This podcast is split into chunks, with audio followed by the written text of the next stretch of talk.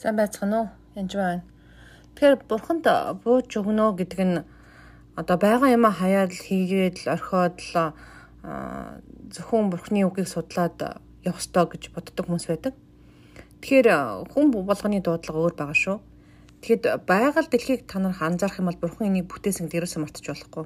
Бараг ерөөсөө ер нь л хог хаягд л гардггүй бүх хэмиг л хэрглэж идэг.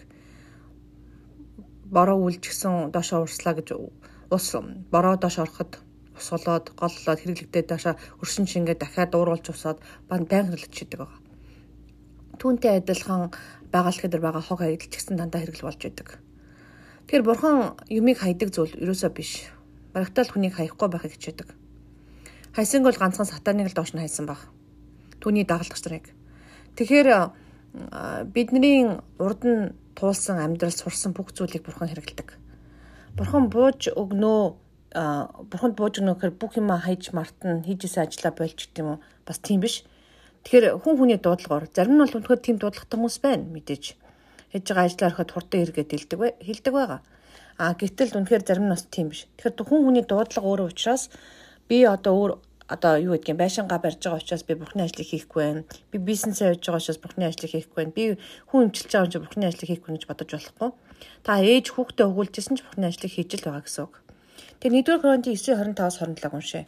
Энийний орчуулга жоохон хэцүүлтэй. Тэгтээ гайгүй байх гэж бодоод байна. Тэмцээн төрөлтөгч хүн бүр бүх талаараа бие барих чадвар чадварт өөрийгөө дасгалжуулдаг ажээ. Тэд муудах тэтмийг хүртэхийн төлөө бол харин бид үл муудах тэтмийн төлөө юм. Тиймээс бид ямар ч зориггүй мэд гүйдэг бус зангидсан гараараа агаар цохих мэд нудралдаг бус Харин бусад сайн мэдээг тунгалсан атлаа өөрөө тэнцээгүй байх уу гэсэндээ бие зааж өөрийгөө боол олгодоо гэж. За энийг сайн орчуулах юм бол энд боксын тамирчин байхгүй юу? Хоосон хий цохоод байхгүй, хоосон агаар цохоод байдаг хүн байдаг л да.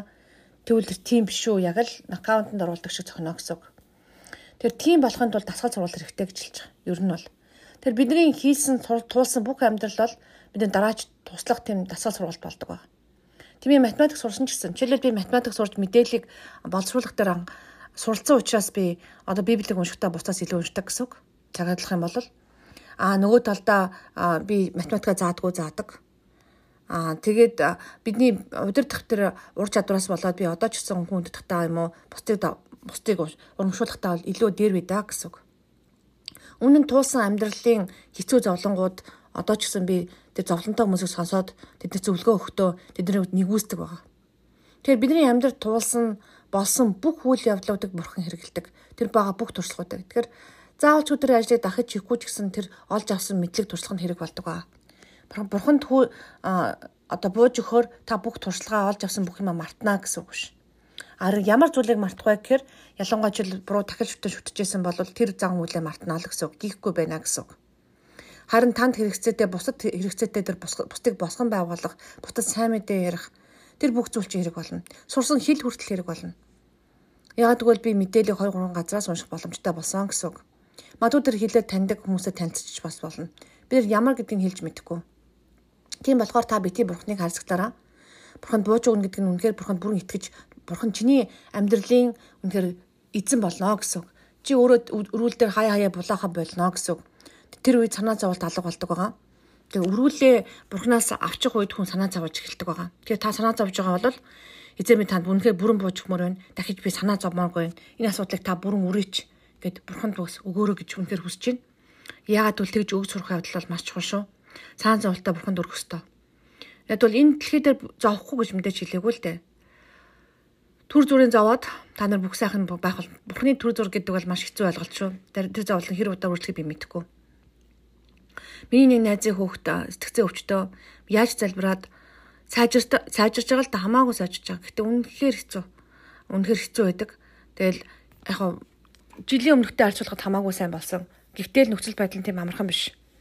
Тэгэхээр энэ мэтлэн олон зүйл байгаа. Гэрлэлтэн гэсэн аваа гайгүй болж идэл хэрүүл урал болдог ч юм уу.